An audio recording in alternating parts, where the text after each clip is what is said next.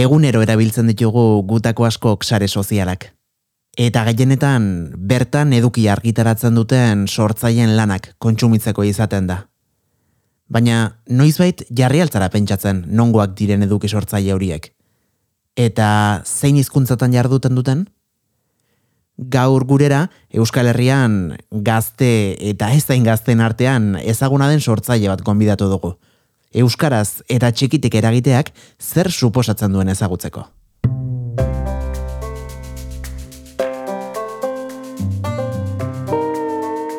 Ispilu beltza, asier errastirekin.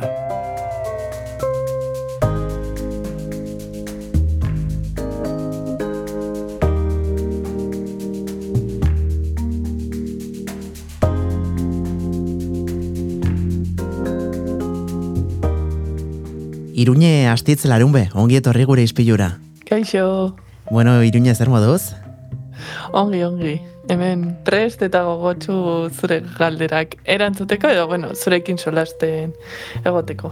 Sarreran aipatu dugu, baina agian Iruñe bezala jende asko que etzaitu ezagutuko, gainera hemen e, irrati edo podcast bidez e, ari garen ez elkarrezketa burutzen, bagian mm, jende asko ez dizu aurpegia jarriko, baina arkakuxo esan ezkero? Izan daiteke, akaso entzuleren batek nire hautsa errekonozituko du ba, irratian edo telebistan egiten ditudan kolaborazioan gatik, baina bestela akaso besteren bat bakan batzuk Twitchetik edo YouTubeko bideotatik.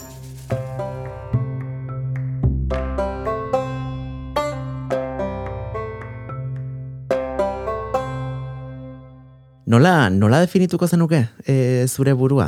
Mm, azkenean, saltxa e, oso anitzetan saudelako sartua eta eta ez dakit, e, nik behintzat, mm, plazerra izan dut, zu Euskal eduki sortzaile digital moduan ezagutzeko, baina iruñe hori baino asko ere gehiago da. Bai, askoz gehiago, bai iruñe eta baita arkakuso ere. e, ba, oso galdera ona iruditzen zait, oso zaila ere e, orokorrean erantzutea eta oso zaila egin zait duela gutxirarte galdera honi erantzun bat ematea, baina nik uste dut hitz batean laburbildu dezakedala eta hori asko da niretzako, ze asko gustatzen zait hitz egitea eta sintetizatzearena ez dut batere ondo eramaten eta nik nire neure burua definituko nuke Mari Saltxera bezala, ez? Aipatu duzu saltxa askotan nabilela, ez? Bai iruñe bezala, bai arkakuso bezala eta eta bai hori ez, saltxera edo e, parte hartu nuen maien guru batean aurkeztu ninduten bezala e, alora nitzeko e, artista. ba, gustatzen zait, eh? hori ere bai. Bai, Bueno, e, imaginatzen du jende askok ezagutuko zaituela, baina ziur beste entzule askok ez. E, zu ezagun izaten hasi zinen Euskal Herri mailan, e, lehen aipatu dugun moduan, Euskarazko eduki digitalak e, sortzeagatik. Mm, ze plataformatan hasi zinen eduki hauek sortzen iruñe? Bueno, nik esango nuke eta agian jendeak ez du horrela hartuko, edukia orain aipatuko duan sare sozialetarako sortzea, ez dela sare e, sozialetan edukia sortzea eta sare sozial hori Twitterra. Arkakuso jaio zen Twitterren.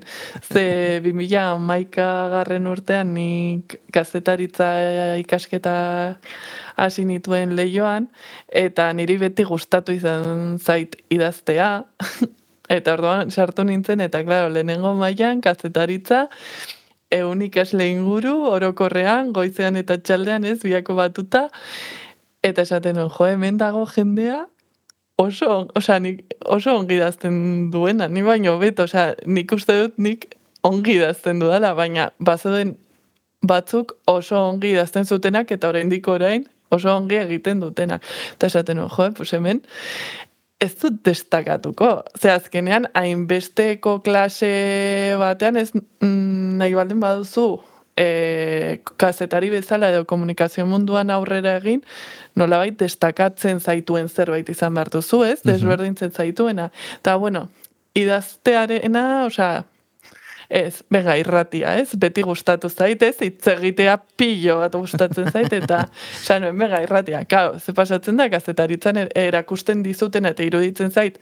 Orain ez dakit gehiago, formatu gehiago erakusten dituzten, baina niretzat iruditzen zait faio bat. Baina, bueno, bakarrik mugatzen zen, em, albistegietako formatua egitera, orduan, klaro, albisteak dira super laburrak, super kondentsatuak, eta, klaro, pues, hemen alamiga iruñe, pues, ez.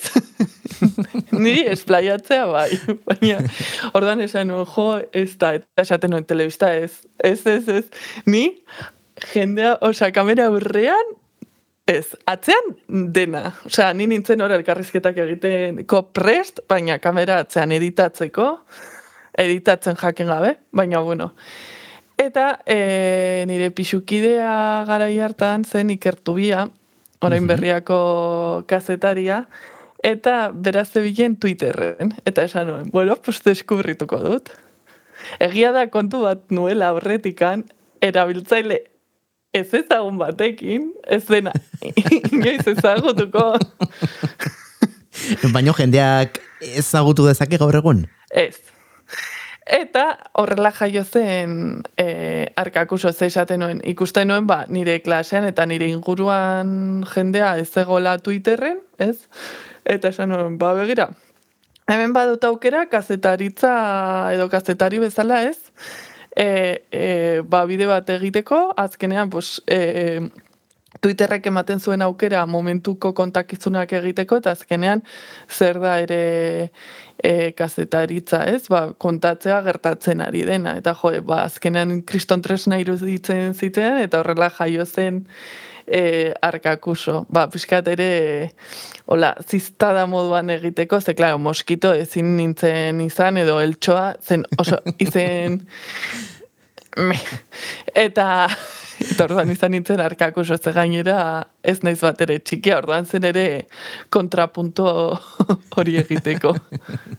eta irunen hola da, e, ba, bai gizarteak eta baita ipatu duzun moduan unibertsitateak ere e, bideratzen zaitun bide hortatik irten eta zure bide propioa osatzea eta iraikitzea kazetari moduan kasu honetan, e, ba, urte haietan hain ondo ikusia edo hain errekonozitua ez zegoen e, plataforma batean? Ba, oso gaizki, ni izan naiz e, nire bizitza osoan, orokorrean orain gutxiago oso kuadrikulatua. Orduan, nik irugarren DBH-etik ja banekien kazetaritza ikasi nahi nuenla. Orduan hor idealizatzen dituzu ez, ere e, ba, lanpide batzuekiko e, pues lanak, ez? Pues ikusten zenuen teleberrian edo albistegietan e, mikrofonarekin, irratia edo egunkari edo aldizkariak. Eta, claro, bapatean, e, hasi nintzen ikusten, osea, ninengoen Twitterren, eta hasi nintzen ikusten nola jendeak eskatzen zian laguntza, pues, adibidez ekimen sozialetan, e, sare sozialak kudeatzen laguntzeko. Eta ni gogoratzen dut, osea, kostatu zitzean onartzea, bi edo hiru urte, e, gustoko nituela eta zergatik ez zen hori ere kazetaritza, ez? Osea, ez nuen legitimatzen eure buruan, ze sozialki ere etzegoen legitimatuta, ez? Hori kazetaritza egiteko espazio bat bezala, ez? Ez sare sozialak bakarrik baizik eta digitala, osea, normalean e, gara jarretan e, norbait e, egunkari bateko edo aldizkari digital batean praktikak edo lanean hartzen bazuten, zegoen oso gaizki ikusi kasi enpresa pribatuan komunikazio arduradun egotea bezala, ez? Eta orduan pues izan dituen oso Osea, pasatu nuen gaizki, ze azkenen zen ez onartzean eure burua, ez? E, gustoko nuena eta eta kostatu zitean onartza ere e, saretan ere egon behar ginela, e, egon behar zirela ere Davideak, egon behar e, gare, ginela eta garela kazetariok, baina eta ematen dit pena eta morrua ez onartu izana lehenago. Zen ikuste dut agian orain bideratu izanen nukela gehiago e, osea, lehenago enfokatuko nintzatekela e, sareko sorkuntza horretara, modu estrategikoan eta eta baita lanbide lanbide bezala, ez? Pues adibidez masterra aukeratzean edo edo dena delakoa. e, kazetaritzaren molde horiek apurtu zenituen, nola ere finkatutako bideo hortatik irten egin zinen, eta gainera bideo hortatik irtetze hori hmm. euskaraz egin zenuen. Bai, ba, egia da hasieratik e, Twitterren ibili nintzenean e, jarraipenak egiten dituenean euskeraz egiten dituela eta beste hizkuntzak erabiltzen banituen zen e, oi hartzun handiagoa emateko ez. E, baina egia da, sozialki adibidez Twitter erabiltzen nuela beste hizkuntzetan izan gaztelera, izan, bueno, e, uemak ez, dauka olako ranking bat, ba, niri ia inoiz ezian detektatzen ze hizkuntzatan ibiltzen nintzen, jarri behar zuen, arkakusianoa.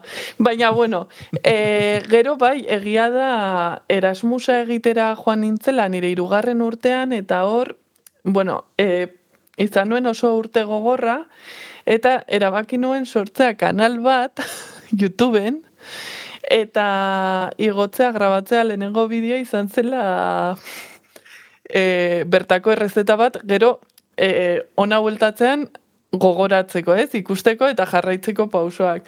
Eta oso graziosoa da, aparte, badiru diela, e, norbait dagoela kamera atzean ni mehatxatzen bideo hori grabatzeko daukadan aurpegia tonalitatea, eta, bueno, ba, hasieratik egin zitzaian alde batetik naturala euskeraz egitea, de hecho artifiziala egiten zitzaidan gazteleraz grabatzea, esan dudan bezala, pues, Bilbon, e, inguru oso euskaldun batean bizi nintzen, eta gero, e, Lisboan ere pixukidea euskalduna zen, orduan, zen como, egiten zitzaidan oso artifiziala momentu horretan e, gazteleraz edukia sortzea Twitterren, osea, ja, euskeraz sortzen nuenean, eta gero beste alde batetikan, ere niretzat, ni izan naiz betianik YouTubeko edukiaren fana.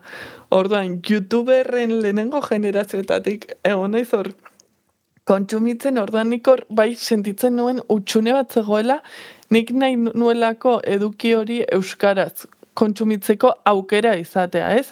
Beti aukera baldin baduzu, zuk hautatu halko duzu, ze eduki eta nola nahi duzun, ez? Ze ez baldin badago, ezingo duzu hau, hautatu ez dagoena.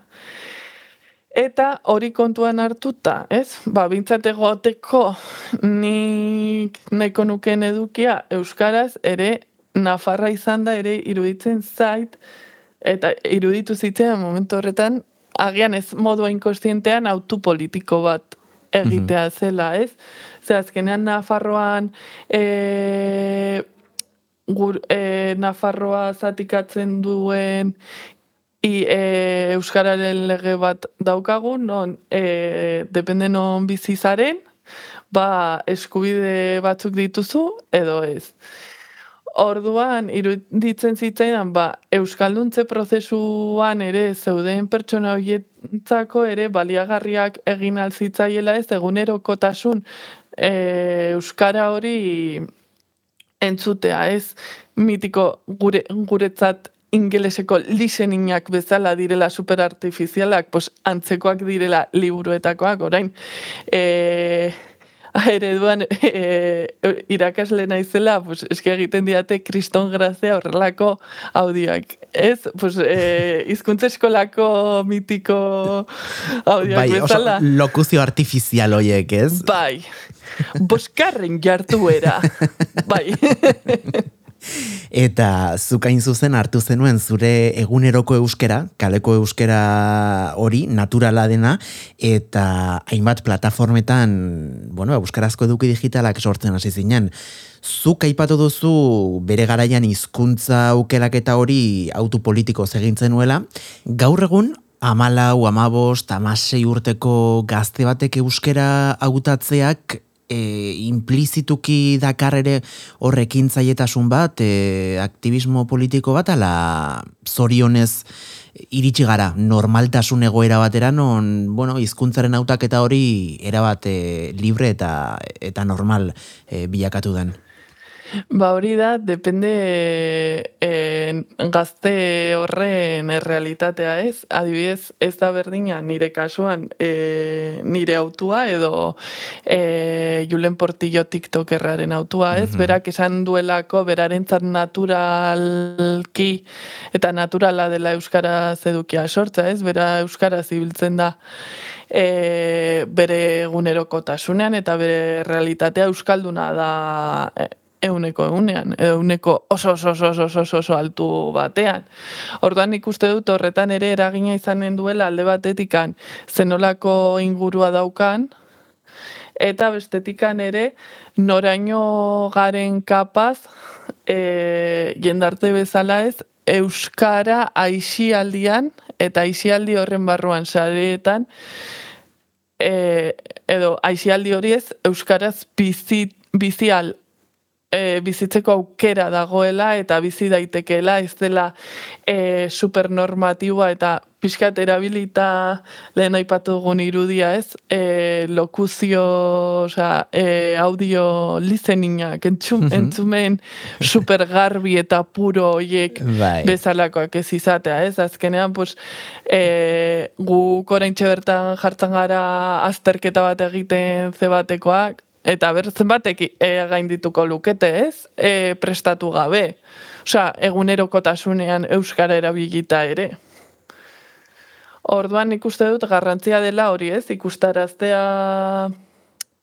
e, eusk, aizialdiaz, aizialdiaz gozatu daitekela euskaraz, eta euskaraz ere aizialdia egin daitekela izan kirola talde kirolean edo baita bideo jokotan jolastu edo sare sareetan edukia kontsumitu eta eta sortu eta baita harremanak eginez. E, aizialdi hoien e, barruan ez? Pues afizioen bitartez eta bar. Eta iruña, ipatu beharra dugu, naiz eta Twitterren egintzen ituen zuk zure astapenak, e, 2000 eta garren urtetik ba, arkakuxo baten antzera saltoka eta saltoka ibilizarera e, plataformaz plataforma eta Twitterretik Youtubera egin zenuela salto, Youtubetik TikTokera, Instagramera eta azken aldian batez ere indartxu luze eta zabal Twitch plataformara. Bai, Twitch plataforma pandemia eta gero, bueno, nik deskubritu nuen pandemia baino lehenago eta bertan ez, e, topatu nuen hasiran, osea, gogoratzen naiz sartu nintzela ni ni naiz e, enteratzen e, enteratzen naiz dagola sare sozial berri bat. Bueno, pues egingo dut erabiltzailea e, frogatuko dut eta hor ikusiko dut gustatzen zaian edo ez. Adibidez orain berriki e, zein da sare sozial hau esa, bidaltzen dizula notifikazio bat eta gatera behar duzu... Ah, e, birrial. Birrial, pues ez nagoen gantzatu, osea... Mm, mm, Ez du eta, esango nuke orokorrean ez, jendearen gan ez duela sekulako arrakasta izan, espero zen bezala, hasiera batean.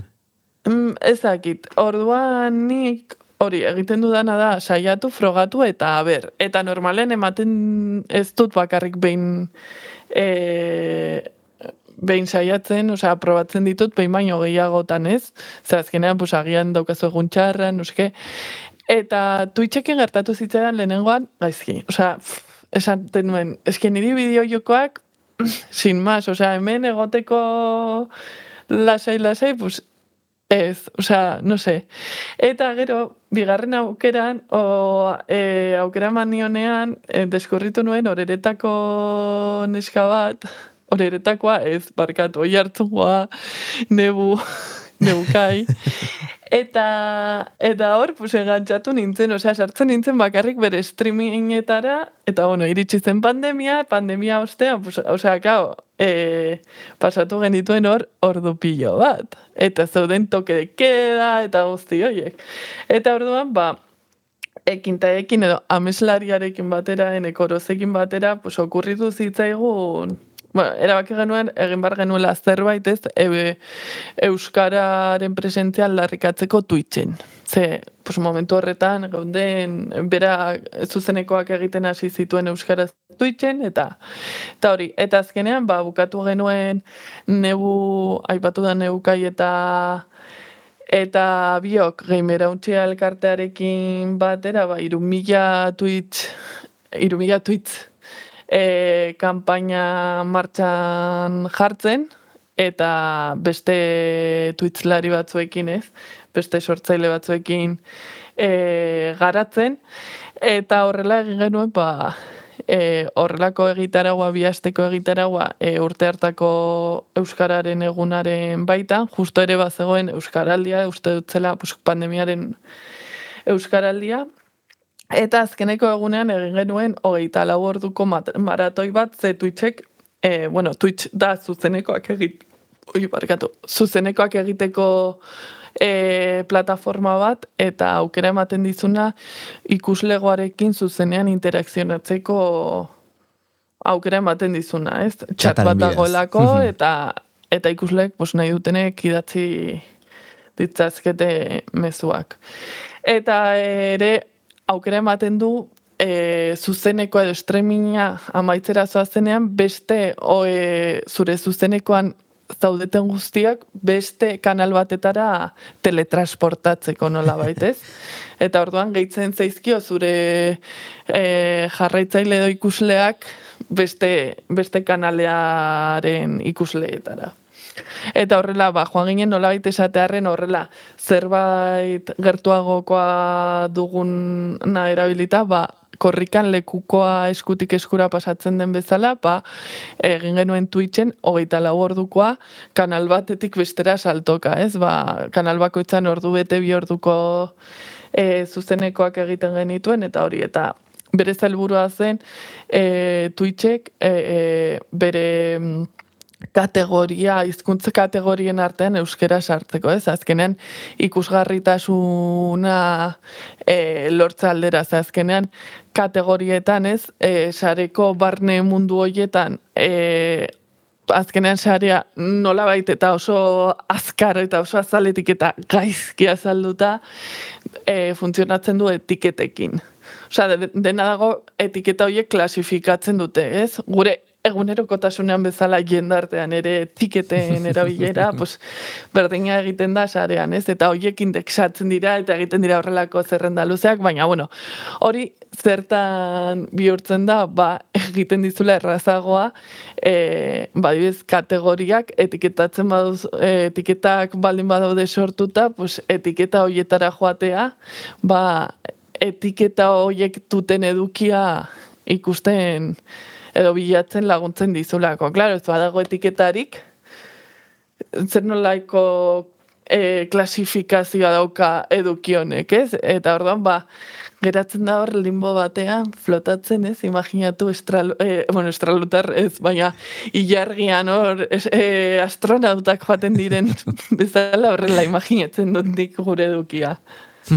Pixka bat, e, zuen asmoa edo helburua zen Amazoni, Twitchen atzean eh, aurkitzen den enpresa multinazionalari eskatzea Euskara beraien hizkuntzen zerrendan sartzeko, izan ere YouTubeen ez bezala hemen e, Twitch plataforman aurkitu zen ezakelako hizkuntzaren bidez, ba, zuzenean hizkuntza horretan emititzen ari diren streaming ezberdinak, ez? E, bai eduki aldetik, genero aldetik eta eta gai aldetik, e, beraz oso interesgarria litzateke bai eduki sortzaientzat eta beste alde batetik baita ere ikusle moduan mm, ba, zuzenean Twitchen sartu eta euskara idatzita euskarazko streaming guztiak bertan aurkituko genituzkelako, eta horrek ere komunitate bat sortzen lagunduko lukelako.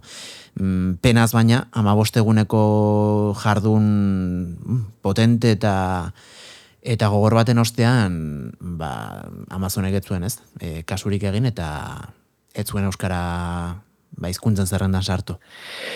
Ez, e, sinadura bilketa bat egin genuen ere denbora horren baitan, guk jarre genuen irumila e, sinaduren, ez, e, nola bait, elburua, ze e, bagenekien katalanek lortua zutela bi mila, bueno, mila eta piko sinadurekin, baina ez da e, streamer euskaldun haundi batzuen laguntzarekin ere ez genuen lortu, ba, sinadura bilketa horretan e, bildutako ba, eskaera guzti horiek Twitche kasu edo kontuan hartzea. Mhm. Azkenean, bueno, pixka bat, e, denok uler dezagun numeroak, zenbakiak direlako oso garrantzitsuak enpresa huentzat, mm, Hori da. eta, bueno, uler genezake, mm, kapitalaren ikuspegitik ba askoz ere rentableagoa dela. Mm, katalana onartzea hizkuntza moduan askoz ere e, bueno, ba, pertsona gehiago direlako katalana ezagutzen dutena euskera baino. Eta hemen ez edukia sortzeko, baizik eta ondoren saretze eta kolektibotasun hori lortze aldera, egia da gure, bueno, ba, iztun kopuru txikia, naiz eta, bueno, milioi bat asko den, e, horrelako plataformetan ez ere geratzen da, eta atzean ezkutuan, bueno, ba, guzti hori manejatzen duten enpresei, ba, e, ez zaie, gehiagi interesatzen, ez? E, guregan inbertitzea eta gure edukiak sustatzea. Eta horregatik, e, bueno, bat artean zu, e, zabiltzate militantzia horretan, ez? Euskerari presentzia emanaian, mm, orain ere, azken urtetan sekulako mugimenduak sortu dira, pantalla euskaraz, aldatu gidoia eta bestelako mugimenduak, ba, bai Netflixen, Disney Plus, HBO eta horrelakoetan euskerak presentzia gehiago izan deza, baina e, nola ikusten duzu erraldoi hauen aurkako, bueno, atirabira hori? Noiz baite gaindituko da, e, kanpo faktore batzuk e, egon behar dira hor, ez dakit, Eusko Jorlaritza, Nafarroko e, gobernua, beste erakunde batzuk. Ba, iruditzen zait, e, aipatu duzun galderak badituela bi, bi gune edo bi faktore, ez alde batetik dela alderatzea euskara e, munduan glo- e, globalki e, ba, hitz egiten, gehien hitz egiten den hizkuntzetako batekin ez gaztelaniarekin, ez gaude. E, maila berean ez e, iztun aldetik ez da e, egoera aldetik, ze azkenean gogoratu dezakegun euskara ere e, osea, baztertua izan dela, ez? Eta nolabait jazarpena izan duela eta horrek ere eragina duela, ez? E, jazarpen eta bazterketa horretan ikusten delako sare, sare sozialetan, ez gure kasuan, zenolako e, erabilera hasierako edo presentzia urria duen. Eta bestetikan aipatu duzu e, zer egin enpresa edo plata, e, multinazional handia hauekin. Nik uste dut hasi beharko ginatekela lehenengo etxetik. Etxean, oraindikan e, badirudi arazo handiak daudela sarea e, eta sare sozialak sareko parte izan da, ba, gure bizitzako espazio, beste espazio bat dela onartzeko, ez badirudi oraindik orain, e, sarea dela zerbait, hau da, ikusentzunet, e, ikusentzunezkoetako streaming plataformetatik kanpo, baina badirudi orokorrean dagola dela Plutonen urrengo planetan dagoen zerbait. Mhm. Hor dagoen zerbait, hori da sarea, orduan da zerbait dagoela kan- kanpoan ez dela gurea, ez da, e, baina erabiltzen dugula. Baina ez da horrela, sarea eta entzuleak sentitzen dut, horrela oraindik ez bazarete konturatu, sarea gure bizitzako espazio bat da, espazio fisikoa e, bezala, ez fisikoa ukitzen dena, izan daiteke e, familia, lana, etxea, e, gimnasioa, e, e, kuadrilla, baina zenbat gauza egiten ditugu e, espazio fisiko horretan gero sarean ere egin daitezkenak. Gaur egun sarean zer egin dezakegu.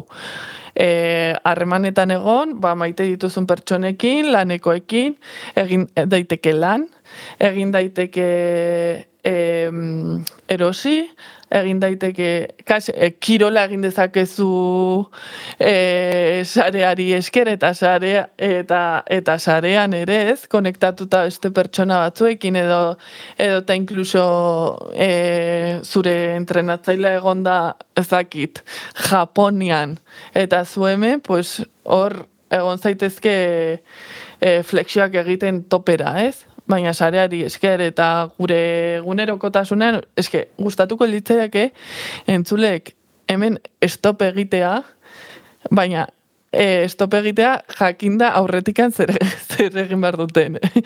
Eta ikustea mugikorrak edo gailu te, e, teknologikoak zenbat ordu e, erabiltzen dituzten e, astean. Ze adibidez, e, orain mugikor gehienek badute aukera ikusteko e, zenbat erabili duzun eta ze aplikazioetan eman duzun denbora gehien. Eta joa, ausnartza zertarako erabiltzen dituzten eta eta bai, txikiz, e, zarea gure bizitzako espazio bat da, eta de hecho, Osa, badugu hasta gure izena propioa. Osa, gu espazio fisikoan ni adibidez iruñe naiz, baina sarean ni ez naiz iruñe ditzen. Ni ditzen naiz arkakuso. Pues, agian e, pertsona bat izango da e, Pepito e, de, e, deituko da Pepe eta sarean izango da Pepito de los palotes hogeita bost, hogeita mar. Osea, esan nahi dut, eske incluso Osea, bakoitzak dauka izen propioa. Orduan, iruditzen zait, dela hasi bergarela hori kontuan hartzen eta kontuan hartzen Euskarak presentzia behar duela sarean, eta esaten dugunean Euskaraz bizi nahi dut, eta egiten ditugunean maniak eta borrokak, eta egiten dugunean korrika Euskaraldia, ere dela sarean Euskaraz bizi nahi dugulako. Sareak ere bilakatu direlako, ez? Gure herriko beste plaza bat. Hori da, azkenean ere zenbat denbora, ez? Aipatu dana zenbat denbora pasatzen dugun. Eta euskaraz bizitzeko euskarazko edukia egon behar du.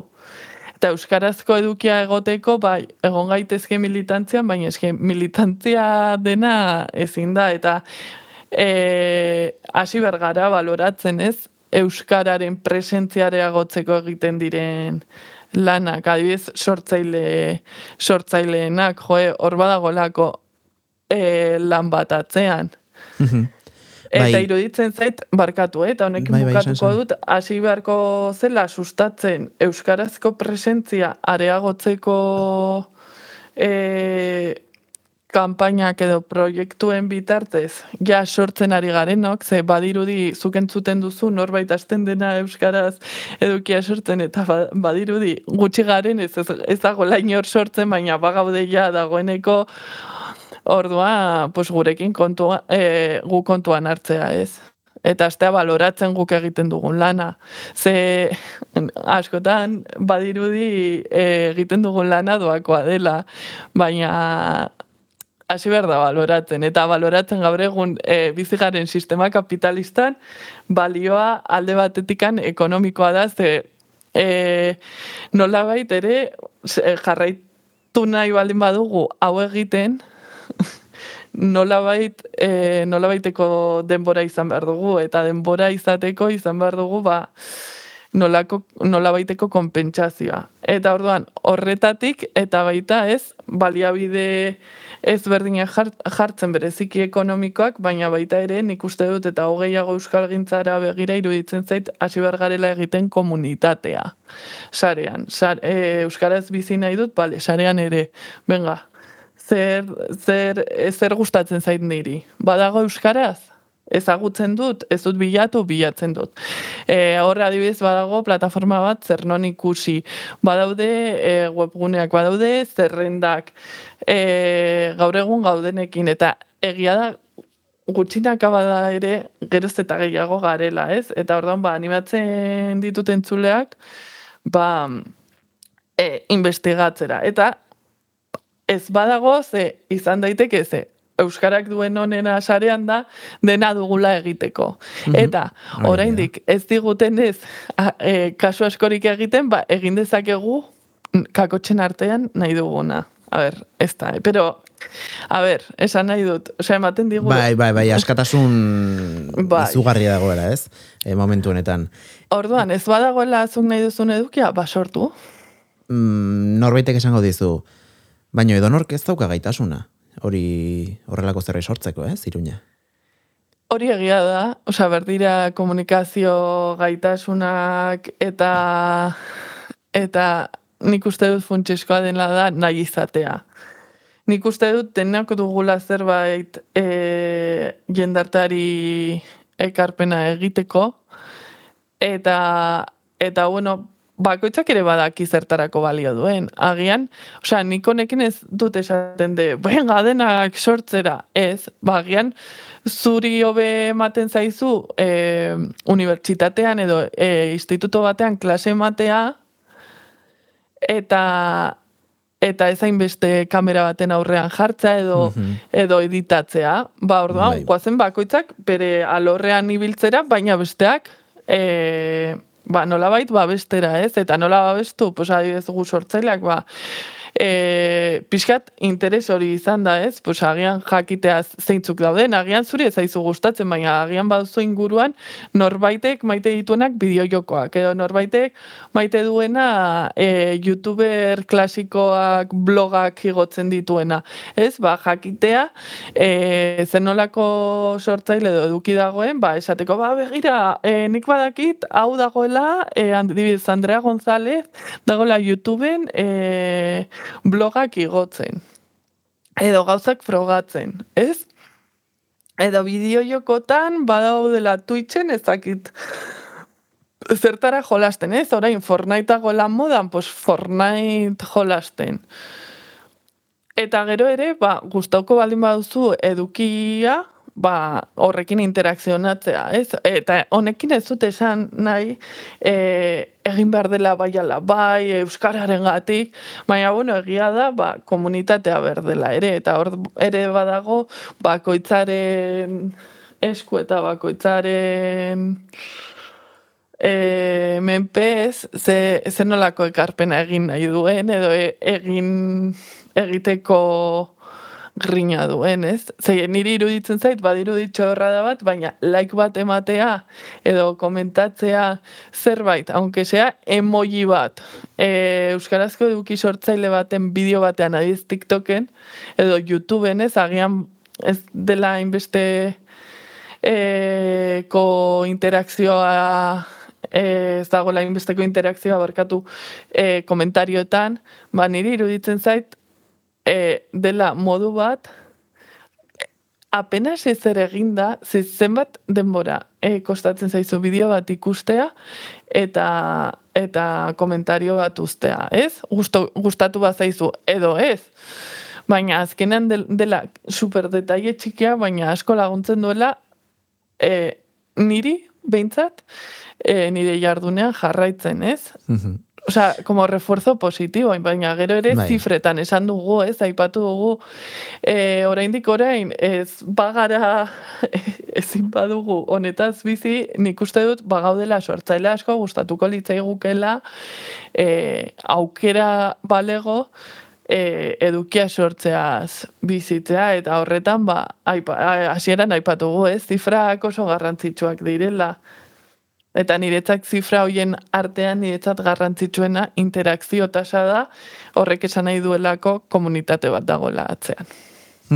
Eta in zuzen komunitateaz galdetu nahi nizun, e, hor badagoela dikotomia bat, ez? E, alde batetik behar dira euskarazko eduki sortzaile digitalak, baina beste alde batetik, e, bueno, ba, milaka eduki sortzaile digital izan da ere, atzean hori babesten duen komunitaterik ez bada, ba, horrek ez du ezertarako balio. Mm, Iruña, esango zenuke normaltasun egoera batera iritsi garela eta gaur egun ba, gaztelaniazko edo ingelesezko eduki sortzaileen artean ere e, euskarazkoak topatzea eta hoiek e, ikustea mm, zerbait e, bueno, ba, naturala bilakatu den ala e, aktivismotik eta eta ekintzailetza politikotik egiten den zerbait e, jarraitzen du izaten honek. A ber, nik esango nuke, eta nire kasuan, ez, e, nik dituen jarraitzaileak egia esan nahiko organikoak direla eta e, kontuan hartuta zifrak, ez, ikusita ingurukoak eta horrela, nahiko inter interakzio tasa handia daukadala eta oro, orokorrean esango nuke daukagula sarean. Egia da, eta nik hau beti esango dut, iruditzen zait beti Euskaldunak gaudela, e, edo Euskara beti doala atzetik, ez? Be, adibidez, katalanak eta oraintxe bertan saren kontuarekin galegoak, ez? Osa, hartzen dutela de, benga, guazen inbertitzera honetan, guazen saiatzera, ez? Komunitate bat bezala, mm guazen saiatzera, osea, baliabide publikoak horretarako dira, osea, baliabide publikoak e, inbertitzen dituzu, ez jasotzeko bueltan e, etekin ekonomikoak, osea, edo ez luke ala beharko. Orduan iruditzen zait, e, gaudela oso atzean, eta oso atze horretan gertatzen da ez direla e, planteamendurik oraindikan eta zer gertatzen da, ba, gazteek ezakitela sikiera Euskal Sortzaileak gaudenik, ez badute inguruan norbait dagoena mentalizatuta eta dakiena horrekin.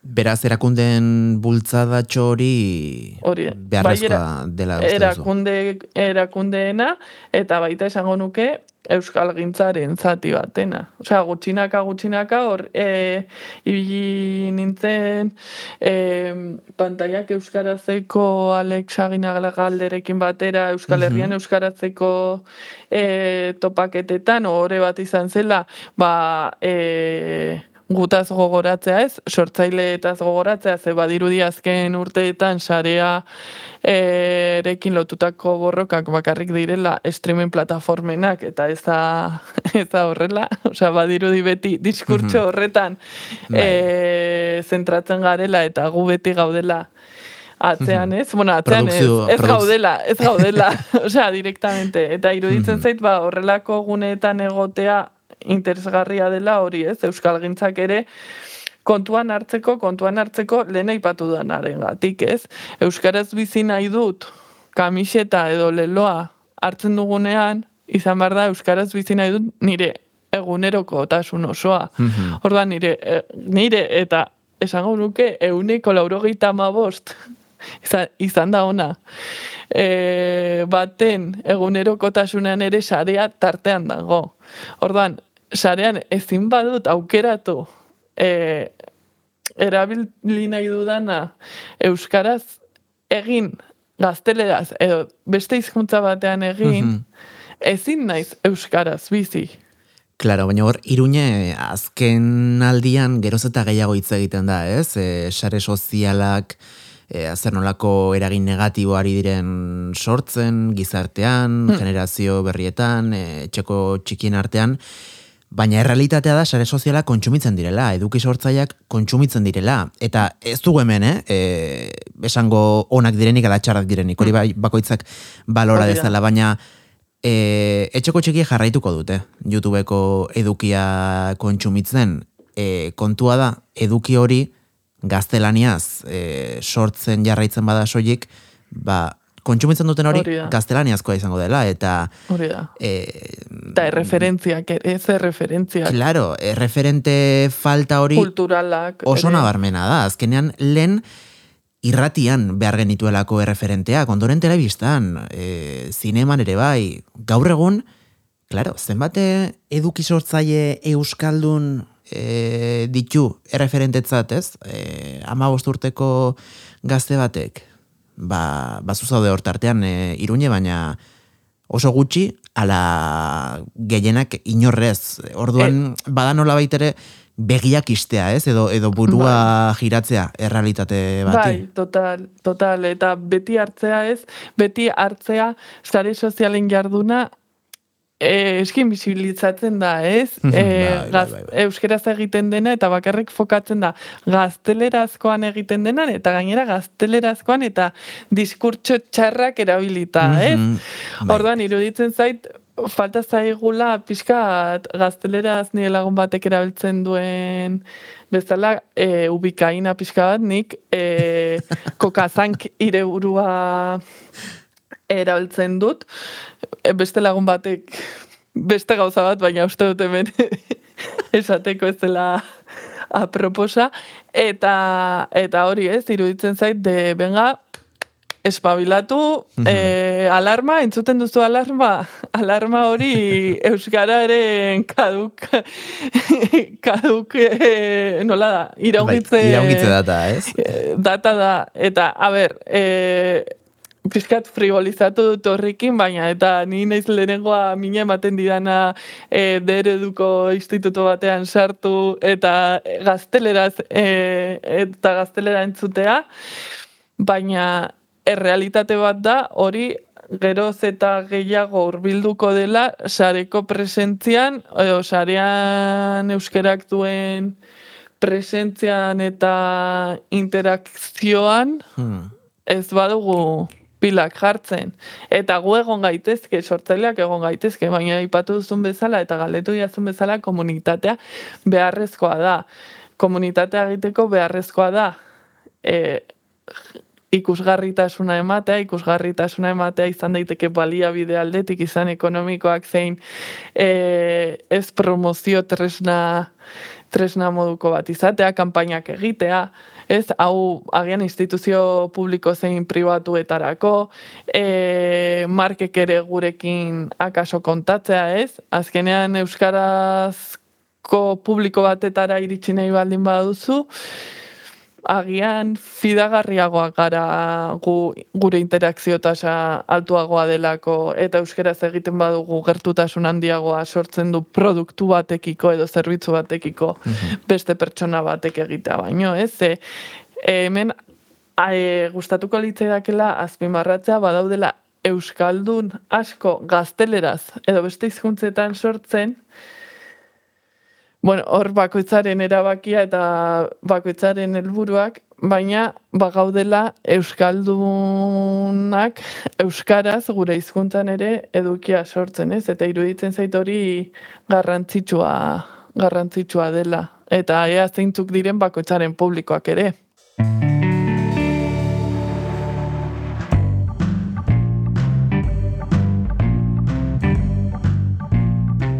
Iruñe, agurtu aurretik non aurkitu zaitzakegu, sarean, plataforma ezberdinetan. Ba, Twitterren, bueno, orain isan, e, Twitchen, TikToken, YouTubeen, e, Instagramen, osea, nik uste dut sare sozial batean jartzen baduzu arkakuso, A-R-K-K-U-S-O, erdiko agabe, e, aurkituko nauzuela, edo bestela, zalantzarik baldin baduzue, sartzen bazarete, iru V bikoitza, arkakuso.eus, hor badago nire webgunean nola baita esatearren aurkituko duzuela nire bloga, niri buruzko informazio txikitxoa, eta gero nire sare sozialetarako lotura guztiak. Ba, Iruñe astitz e, larunbe, benetan plazerrutxa gaurkoan zurekin solasaldi hau izatea, eskerrik asko donostia kultura irratira gerturatzeagatik, eta laiztera arte. Plazerra nirea, mil esker. Ispilu beltza podcasta entzun gai duzu Spotify, Apple Podcast, Google Podcast eta beste hainbat audio plataformatan.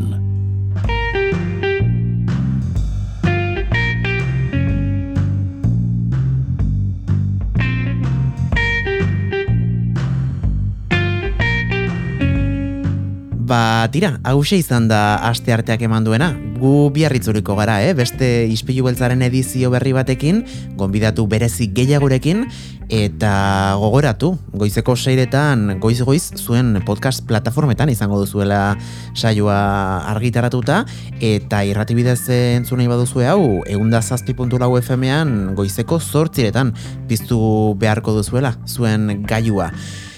Bien bitartean badakizue, txintxoak izan eta bihar arte. Agor.